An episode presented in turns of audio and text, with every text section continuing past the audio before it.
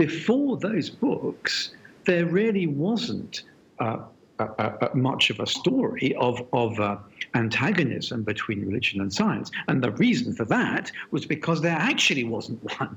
And these people had to make it up.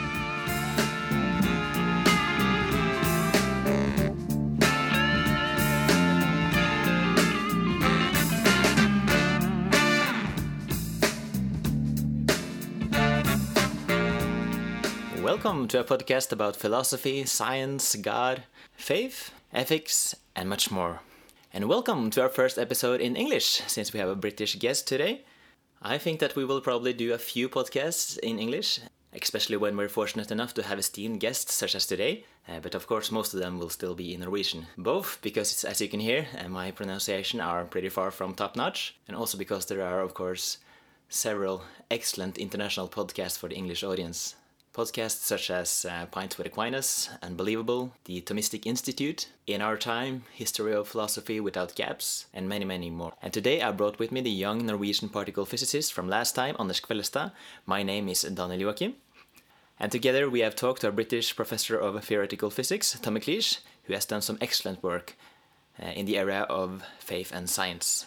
And we have talked about what is the relation between faith and science, and is that even a meaningful question? I think that Mr. McLeish has some really fresh and good perspectives on this, as I hope that you will appreciate that, and no matter if you're a Christian or a skeptic. As always, you can give comments, feedback, and also propose some new guests if you just send an email to mail at danieljoachim.org or contact me on Facebook. So, with no further ado, this is me and Anders Kvellestad talking to Tom McLeish.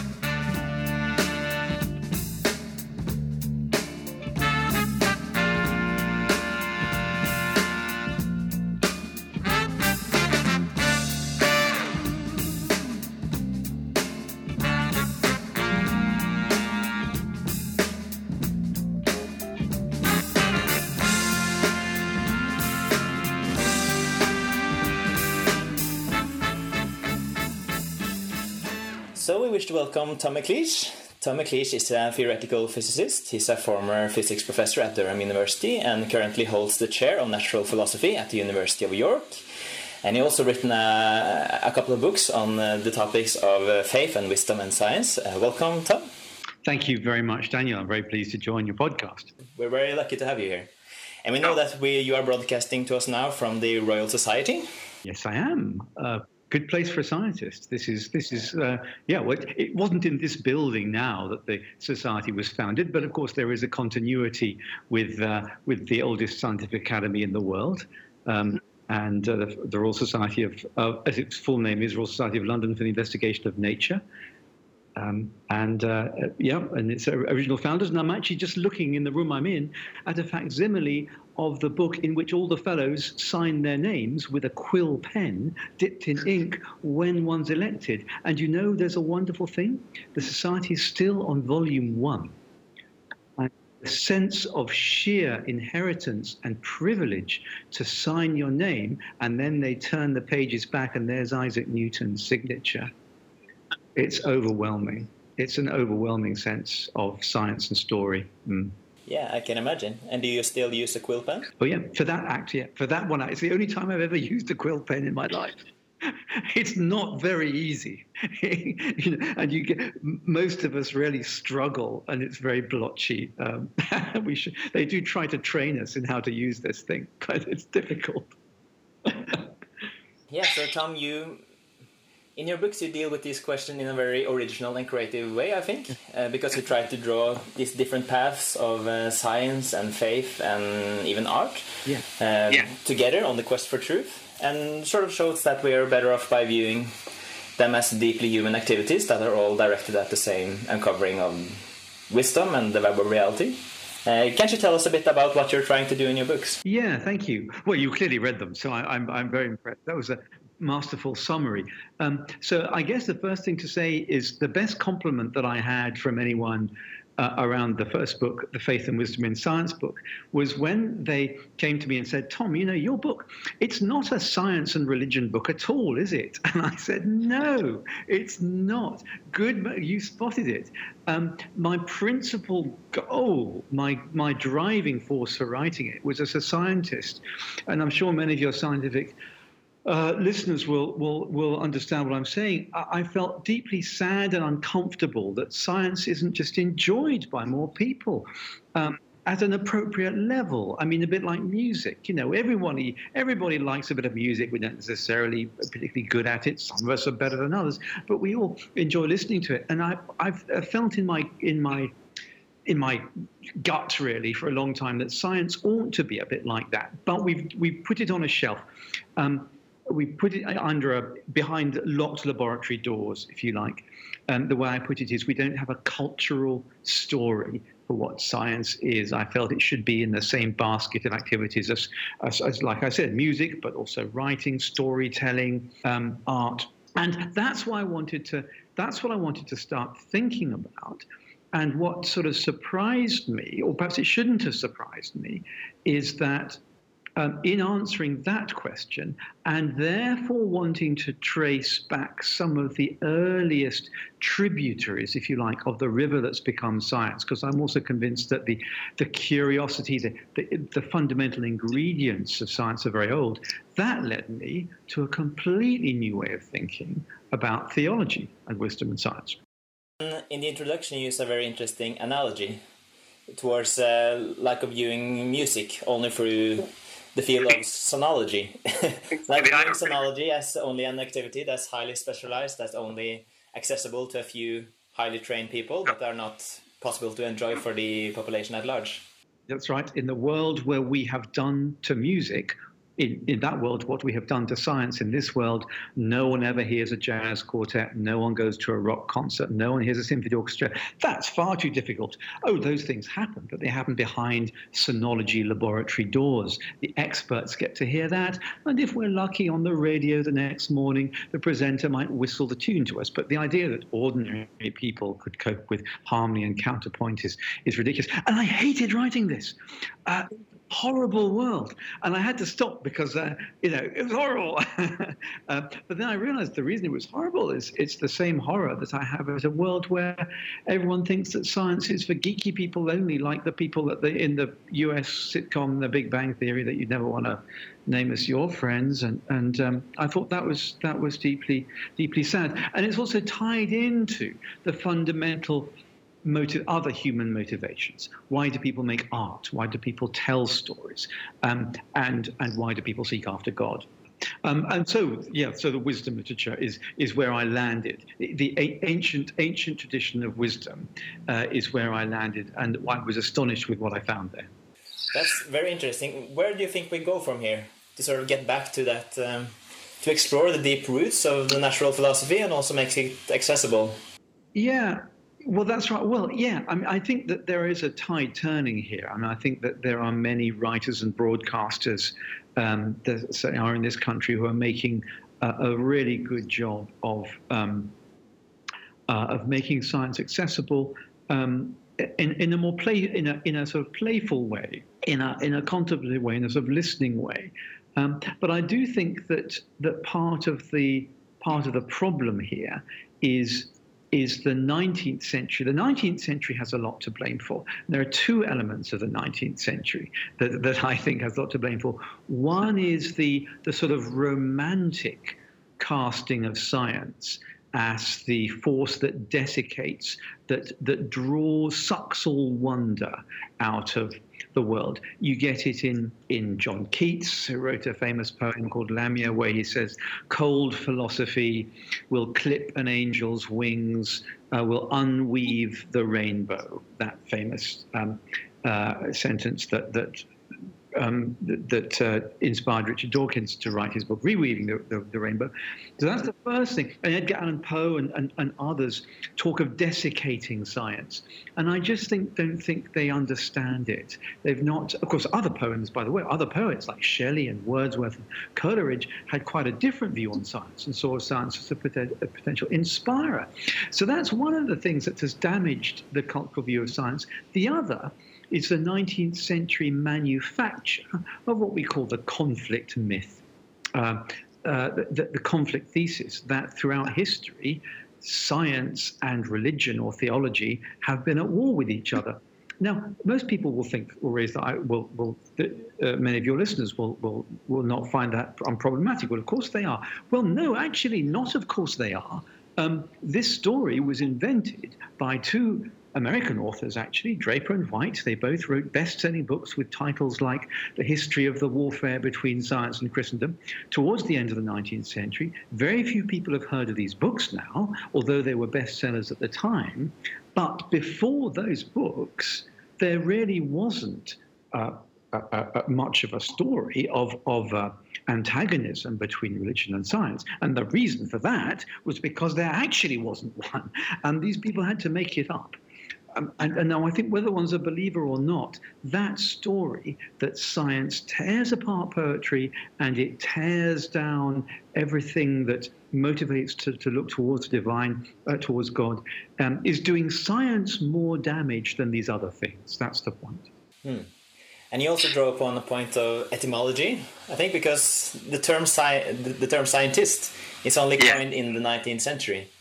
That's true. And you explain how the turn from going from being a natural philosopher, which uh, literally means being a lover of wisdom, uh, with things things to do about nature, yeah. to sort of just being a scientist, uh, where the et etymological roots is to know.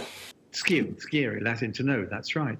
And I've sometimes, in sometimes giving a general public talk about science, um, where I know that a good number of my audience has had difficulty with science. Maybe it was the thing they were told they weren't very good at at school.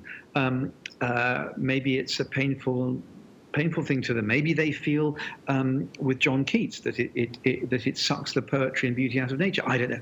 But I've sometimes said, okay, if science is a problem for, to you, then try thinking about it in another way. Suppose I I, I, I, said instead of saying, Would you be interested in science? Would you be interested in um, the love of wisdom to do with natural things, which is, as you quite rightly say, the translation of natural philosophy? And I sometimes see uh, smiles um, and people think, oh, that's an interesting, yeah, that's a more humble approach. It isn't, of course, a knowledge claim. It's more, and it has love in it, and it's just seeking after wisdom. And I think people resonate with that, with that more. And and that was the, um, you're right, that's the original thing. The story there is that William Whewell, in the face of the fragmentation of science, that's the other thing that happened of course, in the 19th century, disciplines as a whole got fragmented, and the scientific disciplines we had geology and astronomy and zoology and botany, all these things started you know, d- diversifying. And instead of just in the UK, just having the Royal Society, we got the Royal Society of Chemistry and physics and the geological society, and, and, everything started falling apart. And that's what motivates. It's a good motivation for Whewell to say, look, we need one name that that summarizes what we all do. But in some ways, unfortunately, he'd forgotten that was a perfectly good name, the natural philosopher. So he invented the, the scientist. Uh, apparently, some people said it sounded, one of its main criticisms is that it sounded too American. It sounded like the sort of thing Americans would do. And it, but actually, it turned out to be exactly right. It caught on in America first in the 19th century. So scientists like Maxwell and Faraday refused to be called scientists. But in the end, it, the Americans, as they always do, they, they, they, they win the publicity game, and it was re-imported into Europe from, uh, from our lovely American friends there. but but I think you know search for wisdom, and then of course um, that the the idea that science was previously called, if you like, in the last chapter. So I sometimes put it this way: I say that the the activity we call science is the name of the current chapter in a book that humanity has been writing for centuries and centuries. The previous chapter was natural philosophy. Um, and uh, uh, uh, and then there was uh, that was also the case in the great medieval centuries, which which were uh, the sources of much interesting science. It's um, they, you know, part of this rewriting of history has been this invention of this nasty term, the Dark Ages. Well, the only thing that's dark about the Dark Ages is our ignorance of them. Um, there were serious scholars in the High Middle Ages, both Islamic and, and, and Christian, looking at light and color and sound and all sorts of uh, fascinating things. Then before that, going back to the ancient world, people are, are used to um, uh, thinking of, of ancient Greek science as being perhaps the root of science, uh, Plato, Aristotle, Aristophanes, Thales. Um, but there's an equally strong root in ancient Semitic uh, uh, uh, uh, thought, um, Babylonian, Egyptian, um, and Hebrew. Um, and when, the example, for my money at least, the the most important ancient text to do with if you, our relationship with nature is the book of Job, so called the book of Job. It's found in the Old Testament. No one quite knows where its source was when it was written, um, but it is shot through with questioning into the structure of nature in a way that not just for me as a scientist who reads it, every scientist that I know who I've suggested read the book of Job, in particular some of the more poetic parts of the nature poetic parts of it, um, are astonished with what they read. And, and it's, it's great uh, listening to you, uh, Tom. And um, about your about what you said about the natural philosophy, uh, meaning love of wisdom of natural things, uh, it got me thinking of a book I read uh, quite recently um, about Alexander von Humboldt.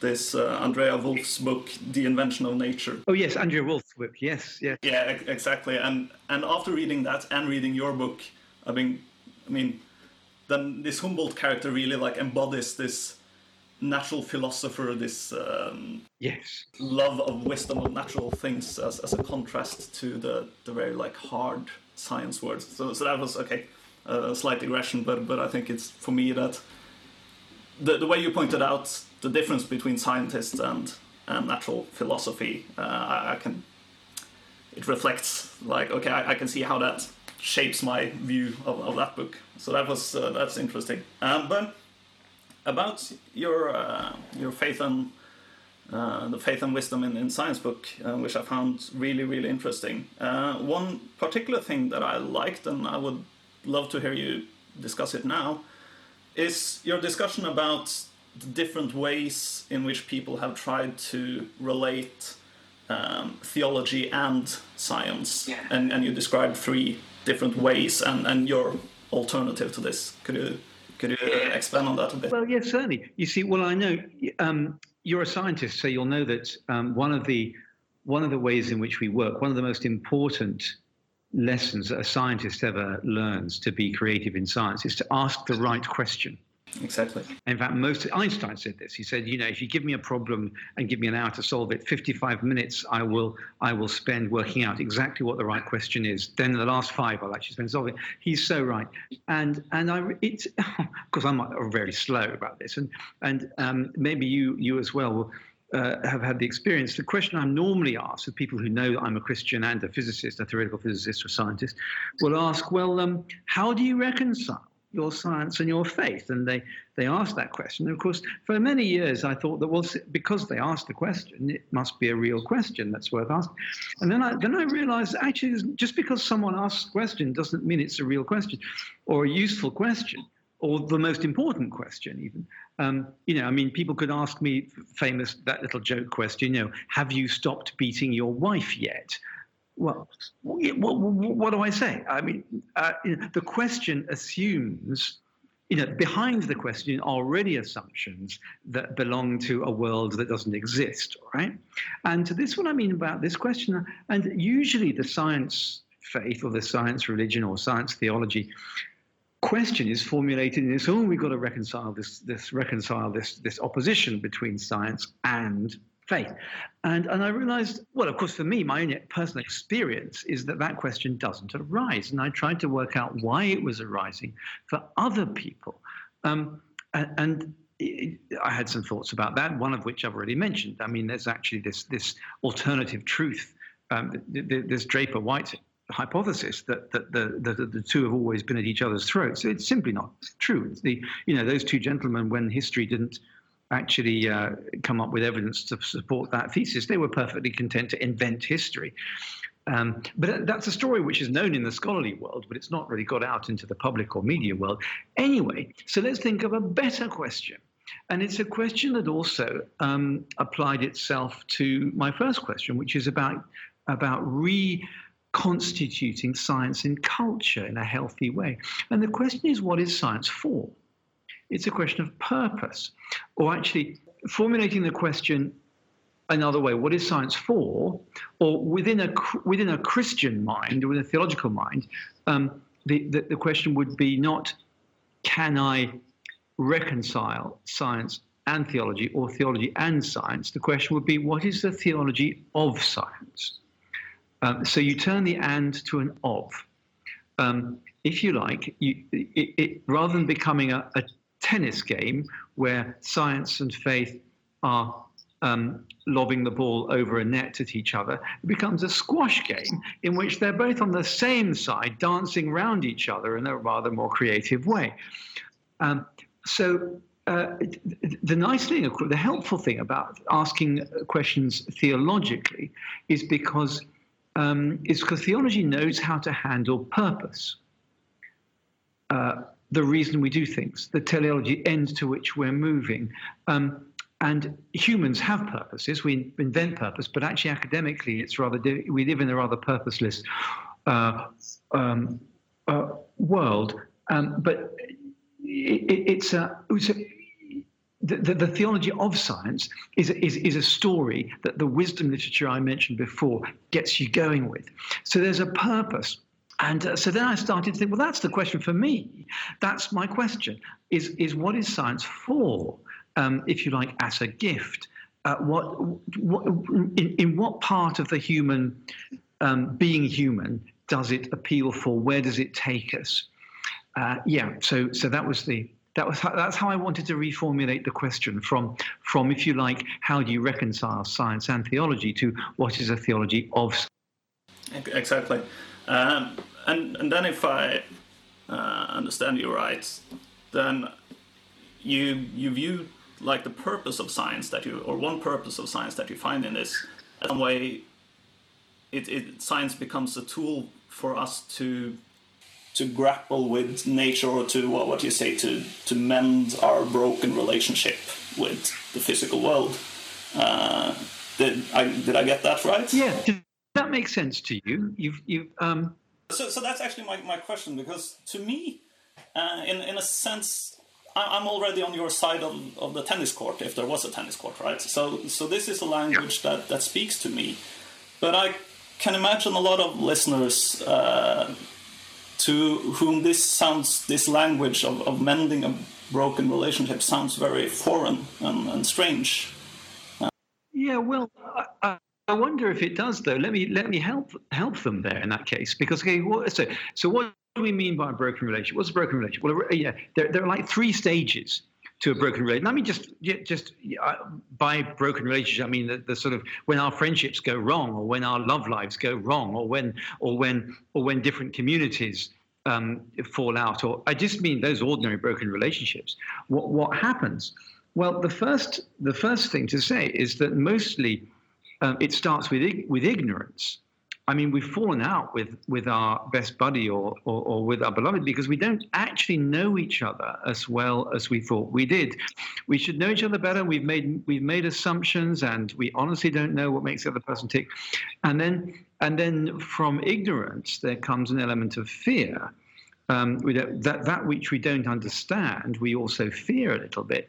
And finally, the third stage is, is that which we, which we don't know and, and which we also fear. The next stage is, is possible harm. I mean, both ways. So, relationships, that's the three stages of a broken relationship. Now, I've always been very interested that Marie Curie said, she said a lovely thing, you know, the double Nobel Prize winner, um, 20th century prize, when Marie Curie said, said, the reason we do science is so that we we we understand the world and fear it less.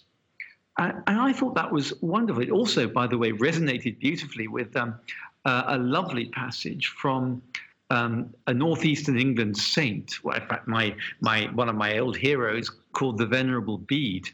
Um, his his bones are buried in Durham Cathedral, where I used to to work. Well, I used to work at the, uh, the in, in, in, Durham itself.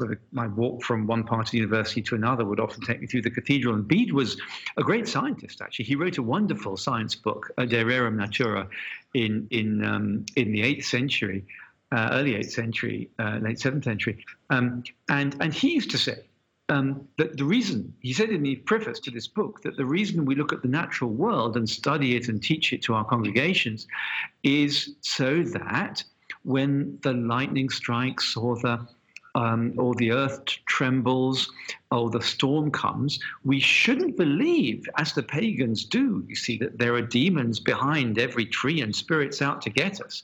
But that no, the one God who made this world in his wisdom, this is how it this is how it's made. So we should understand the workings of nature in order that we shouldn't be afraid. So Bede agreed with uh, uh, with um, uh, uh, um, Marie Curie, and I mean, I'm sure you know it's a common preacher's point, but one that's one that bears bears the retelling. You know, if I ask you what is the most common commandment in the whole of the Bible, and, and, you know, I'm sure you know that people will guess, well, is it the one about adultery or stealing or murder? No, it's none of those. The most common command um, is don't be afraid uh, it's it's on the lips of every prophet and angel and, and and and Jesus himself so many many times. It's fascinating that fear is one of the big big Bible no-nos, um, and I do think that's true. So now, can you see? Is it very strange to talk about our our relation with the natural world as a broken one? It starts off in ignorance.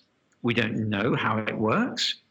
We also fear it a bit. It can get us disease, earthquakes, floods, fire, not just ancient peoples, but we have our modern fears about nature as well. Um, drug resistant bacteria, plagues, terrifying, global warming. Oh, and global warming, what about the harm? Um, not only can nature harm us in this last century, we have learned, like no century before, although interestingly, Humboldt um, saw this. He was one of the first, of course, uh, people who thought of nature as a system, and he knew he saw valleys um, desiccated and and and turned into sand by human overfarming back in the 18th century. So we know since Humboldt that we can harm nature too. Well, there you have the three classic ingredients of a broken relationship. So I, am not sure that it's. Uh, it's inappropriate language, actually. No, that, that sounds uh, to me that sounds very reasonable. Uh, but uh, but it's one of the I think reading your books is, is the first time I personally came across thinking about those questions, uh, thinking about uh, the human relationship to science in in these questions, uh, in, in, these terms, uh, the terms of a broken broken relationship. Uh, I'd be interested to hear. How, so, so in your book, you, you focus a lot, uh, especially on, on the lovely Book of Job, uh, which has now taken on a completely new meaning to me. Oh, great! Oh, that's oh, great. Job, my job is done. My work is over. absolutely, absolutely. But but how has your reading of of Job been received by say other other by theologians?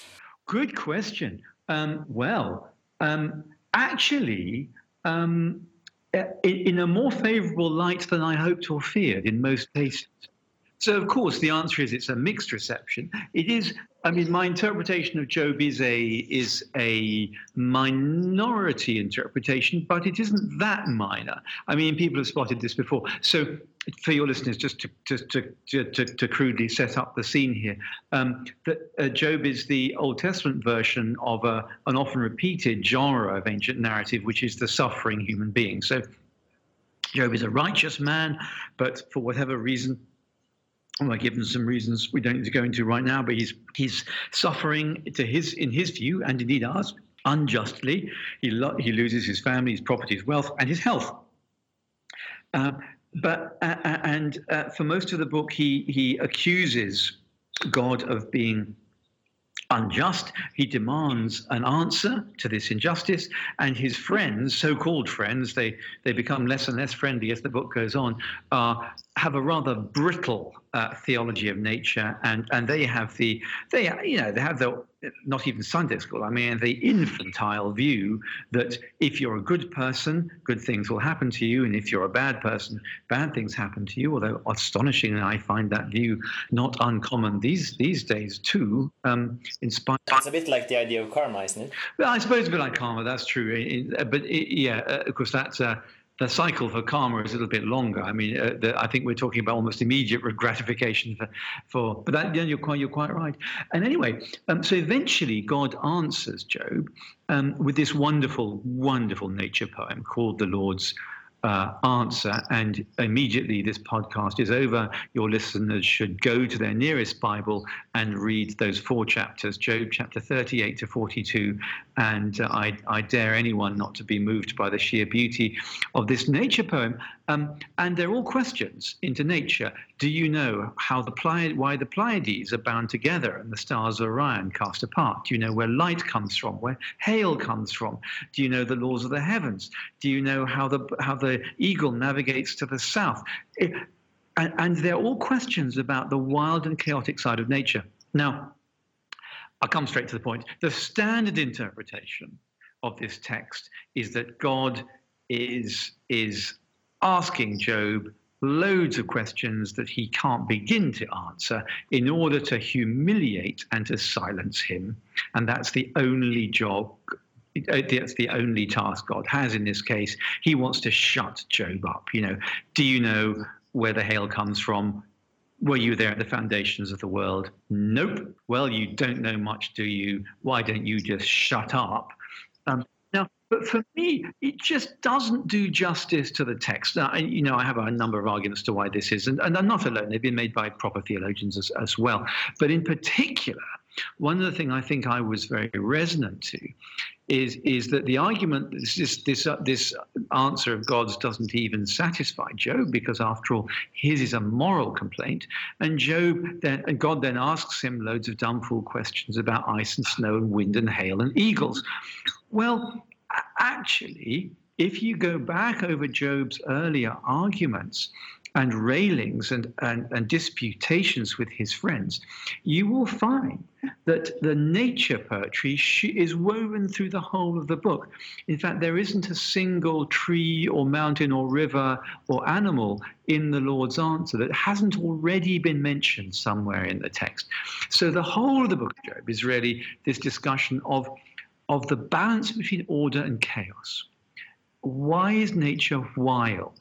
And our ignorance and fear of this wildness and like all Jewish questions, I mean, this is the other thing. I mean, there's a lot of mis- cultural misunderstanding. You don't, in the Jewish world, Hebrew world, ancient or modern, you don't ask a question to make someone feel stupid. You ask a question to teach them something. Jewish questions are pedagogical. They're always teaching. So I, yeah, I, I think I have honestly the, the uh, theology of history on my, on my on my side here.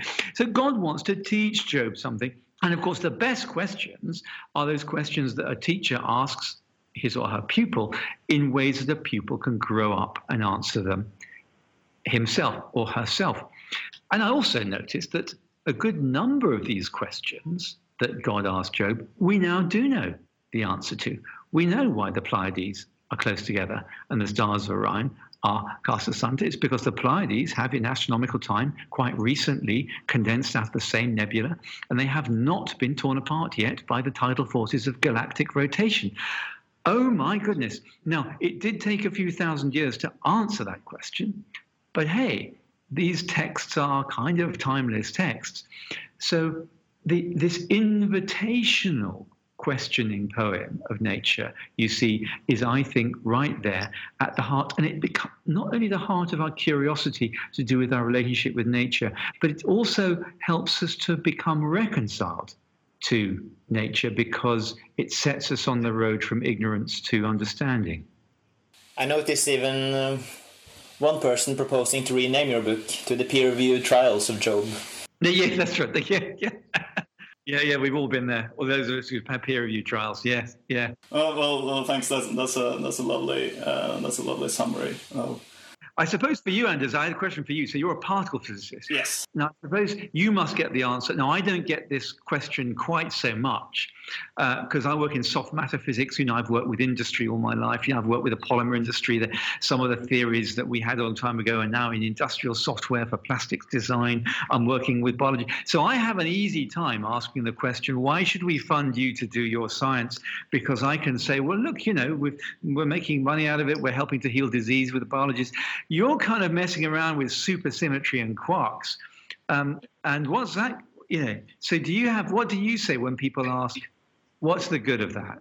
Well, well, that, that, that's the thing. I, I, I mean, as many particle physicists, I think we, we almost tend to take some sort of strange pride in the fact that what we do is utterly, utterly useless uh, from the point of view of, of practical applications. Uh, so but that means that we really we really need to focus on on the fascination, right? The the this the value of knowledge for knowledge uh, sake, right?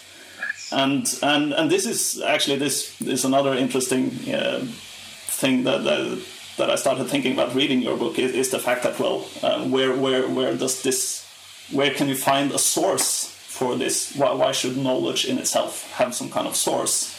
And of course, if you start thinking about science in this broader perspective that you draw up in your book, then you actually find that well, this this wisdom is actually uh, is a is in a sense fundamentally valuable. But anyway, this is uh, independent of this uh, theological perspective. This is really we, we have to appeal to the to the pure fascination.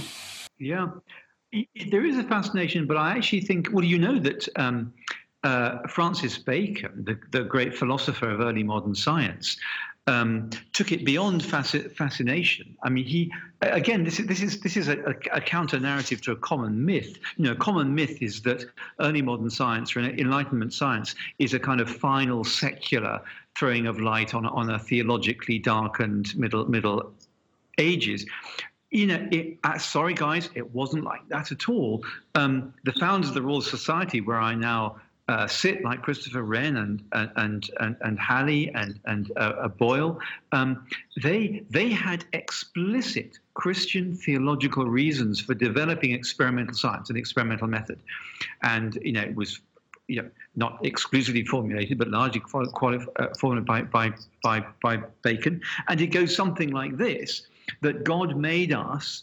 originally to share with him, with the creator, this deep knowledge and understanding of creation. So we'd be at peace with it. We'd know how it all worked. We'd know where everything comes from. Um, but that that knowledge was one of the original attributes we lost when we disobeyed, and this thing called the fall. You know, Adam and Eve's symbolic, whatever you want to take it, but disobedience of, of God. We lost that. But that in grace, God gives us our senses and our minds. And if we work very hard, we can strive and gain some of that knowledge back. In fact, it turns out that Bacon didn't invent this, this way of thinking about the Bible and the relationship between us and creation. This is this is this comes from the medieval centuries. Augustine has it, and and Aquinas has it, and, and Robert Grosseteste, who I'm, I'm fascinated with, uh, says says says the same thing. Um, it's a, it's it's a story of being. It, you know, so this idea of being reconciled to nature um, is not something that we just want to do. It's something that actually God calls us to do, uh, and that's go and that that's right at the heart. It's at the motivational heart of science. Absolutely, and and it's uh, and I have to say, for me personally, I mean, I, I grew up like I guess most people believing in the in the conflict thesis and kind of. Uh, I, I, knew quite early on that well, science interested me. I wanted to be a scientist, uh, and I had this cultural sense of okay, there there will probably be a conflict here with my Christian belief.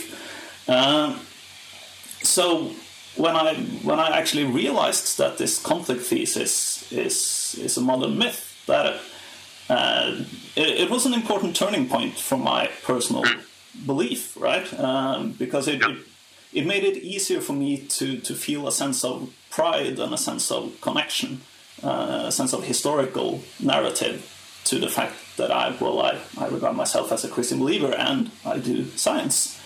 Um, is did, did you always know that, that this conflict thesis was a myth, or is it something you learned uh, at a later? Well, I, I always felt it had to be because because if it were true, the point is if it were true, if if if say Christian faith and science were fundamentally in conflict with each other as epistemological or ontological uh, frameworks, then people like you and me would be walking around with the most psychologically damaged split personalities out there. Well, okay. I mean, you're obviously just a cool guy. I mean, I can't speak for myself, but you're. But I mean, you, I'd have felt it. I'd have felt it. And my atheist friends still accuse me of cognitive dissonance, and I was, well, yeah, you know, just talk for yourselves. I mean, come on, guys. Um, you know, don't accuse me of something that I'm not either demonstrating or feeling. Um, and what? And because it, it, was later that my inner suspicion that this had to be wrong. Um, was filled out with with a, a, proper understanding of the history and realizing that you know that that's that many of the myths oh the church used to teach the earth was flat. Well no no one ever thought the earth was flat. Um, bizarre you know there's something weird about the 20th century though isn't it weird? In a sense the most unscientific age ever is the age we are currently living in. Paradoxically you know, no one in history, apart from one or two very unusual little, who knew they were extreme and balmy people, ever thought the Earth was flat. No one seriously scholarly thought it was flat. Um, uh, this is the first time in history there's ever been um, online internet communities think the Earth is flat. No one thought before our friends Draper and White that that um, uh, that the church and and and and, uh, uh, science were fundamentally in conflict. Oh, and by the way, before someone thinks, what about Galileo? You know, as Peter Harrison has helpfully pointed out, look, everybody in the Galileo affair, everybody from beginning to end was a Christian number one. Second, of course, the church did a terrible thing. I mean, you know, the church has done, like all power structures have done awful things in the past, um, you know, and and you know, prevented Galileo from teaching the heliocentric uh, system. But the whole that particular story is much more interesting than the Draper-White conflict conflict thesis. Galileo and Cardinal Bellarmine, who became Pope VIII, were best buddies. This is the most scientifically, passionately interested Pope that ever was. Um, and and you know, Galileo was, of course, a self-opinionated uh, with the most giant ego. I mean, he never gave Kepler the um, an iota of the credit that, that, Kepler should have had. For example, it wasn't a very nice piece of work. So look, it's a tortuous, tortuous tale, which is fascinating and a really grim story.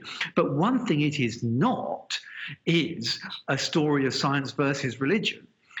Um, so you know, you're right that it's only later in life that I've read read the proper sources and realised that that there's been a bit of make believe going going on here. That that resonated my own current experience of of, of, harmony, but that also how how um, how quite apart from that, much more positively, my Christian faith gives me understanding of of what science does at the human level, why why we're gifted it, what it's for, um, and therefore what my choices should be around it.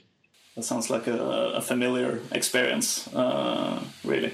So okay, so I have now I'm moving on to my uh, like okay my more speculative questions, uh, and it's, it's, it's oh I see. It's nice that the other ones weren't speculative. they were the dull ones. Okay, great go for it. No, so, so this is this is more in the more in the physics direction. I mean, your your project of, uh, of drawing up this uh, sketching a, theology of science, and, and it's all about um, the human. Uh, I mean, the human relationship with science. Uh, yeah, it's the intermediary between our relationship with nature. Yeah, yeah, okay. Absolutely. Uh, and and my question is this: Have have you considered or drawing in like okay the human relationship to to natural laws, to, to scientific laws. I mean, uh, what, what, I'm specifically aiming at is uh, in in physics there are big discussions uh, concerning okay, the, what's the role of, of the observer or the agent in, in fields like quantum physics. Uh, the the observer plays a crucial role in the formulation of Einstein's theories. Um, is, is there like do, do you see possible connections there, or is this just speculation? This is yeah. Oh, that's wonderful. So, are you saying ah? Um, having having theologically formulated science as the toolkit that negotiates the healing of our relationship with nature, are you saying is there a way in which the particular relation of observer to observed in quantum mechanics plays into or plays out of that? Exactly. Yes. Oh, that's a really interesting thought. Well, um, the answer is I have a little, but I don't think I have anything particularly intelligent to say about it. Um, it's it's obviously consonant that we are in some ways so deeply entangled with na- with nature. Um, but, in, but in a sense, we've it's been clear that that we are entangled with nature in all sorts of ways. We are physical, we're made of natural objects. We are little bits of the universe come alive, able to think about itself and reflect on the universe and make decisions. Um, that is a wonderful thing. Evolution has taught us that um, we are connected deeply with the entire web of life. I mean, you know, it, it, I think it's somehow wonderful that science can help us look at a mushroom as a distant cousin. I, I know that sounds weird, but I like the fact that mushrooms, never mind fish or dogs, you know, mushrooms, even the bacteria, we all have common ancestors with every other living thing. And we share the basic biochemistry with everything. All our proteins are uh, left-handed. I never get it. All the DNA is all right-handed. I'm not quite sure which way around that is. But but you know, we share these one this one thing with, with life, and then of course we also share this extraordinary balance um, yeah, and again, I don't think anyone really knows the significance with which to to um, endow or to think about the, the well-tunedness of the universe, the fact that the matter and antimatter balance is exactly right, the you know the the um, uh, fine structure constant, the gravitational constant, the the flatness of the universe is is just we can't imagine a structured universe with us in it, uh, with any other uh, of the values for these arbitrary numbers. You know, Martin Rees, former president of the Royal Society, has written a book just uh, about that a few years ago. So there are lots of ways in which we're connected with it, with, with the world, and I think science helps us to do that. This um, extraordinary observational way is, is I think, still for me a complete mystery. Um, and uh, but uh, hey, look, Anders, perhaps you should write the theology of quantum mechanics. I don't, don't know that anyone's really done that. I think there've been a couple of attempts, but they're pretty limp. You should probably do it. Uh, so, sounds like something I should do after getting a permanent research position. oh yeah, well, oh good luck with that one. Yes, well, gosh, we could talk about that. My goodness.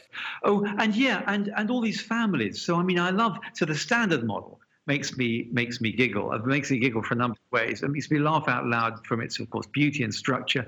Uh, one of the reasons it makes me laugh out loud, of course, is that um, now here I'm going to get a big. Uh, I'm going to get a dig in from the sludgy soft matter physicists against you guys. So everyone else Every, here, Anders and I are going to share a joke here, and he knows. Oh, we should explain to listeners that, of course, as in all things, physics has a hierarchy. And Anders here is at the very Mount Olympus of physics. The particle physicists are, are the gods of the physics world. We know that. Those of us who do, you know, materials physics, we're actually quite a long way below cloud level. We're probably in the swamp in the valley below. Or are we? Or are we? You see, um, you see, Anderson and his, his colleagues have hijacked the word fundamental uh, to the physics they do. They call themselves fundamental physicists. I say all physics is fundamental. That's what makes it physics. And, and, and, to, and to just drive my argument home, I'd like to ask him how many undetermined parameters there are in the standard model.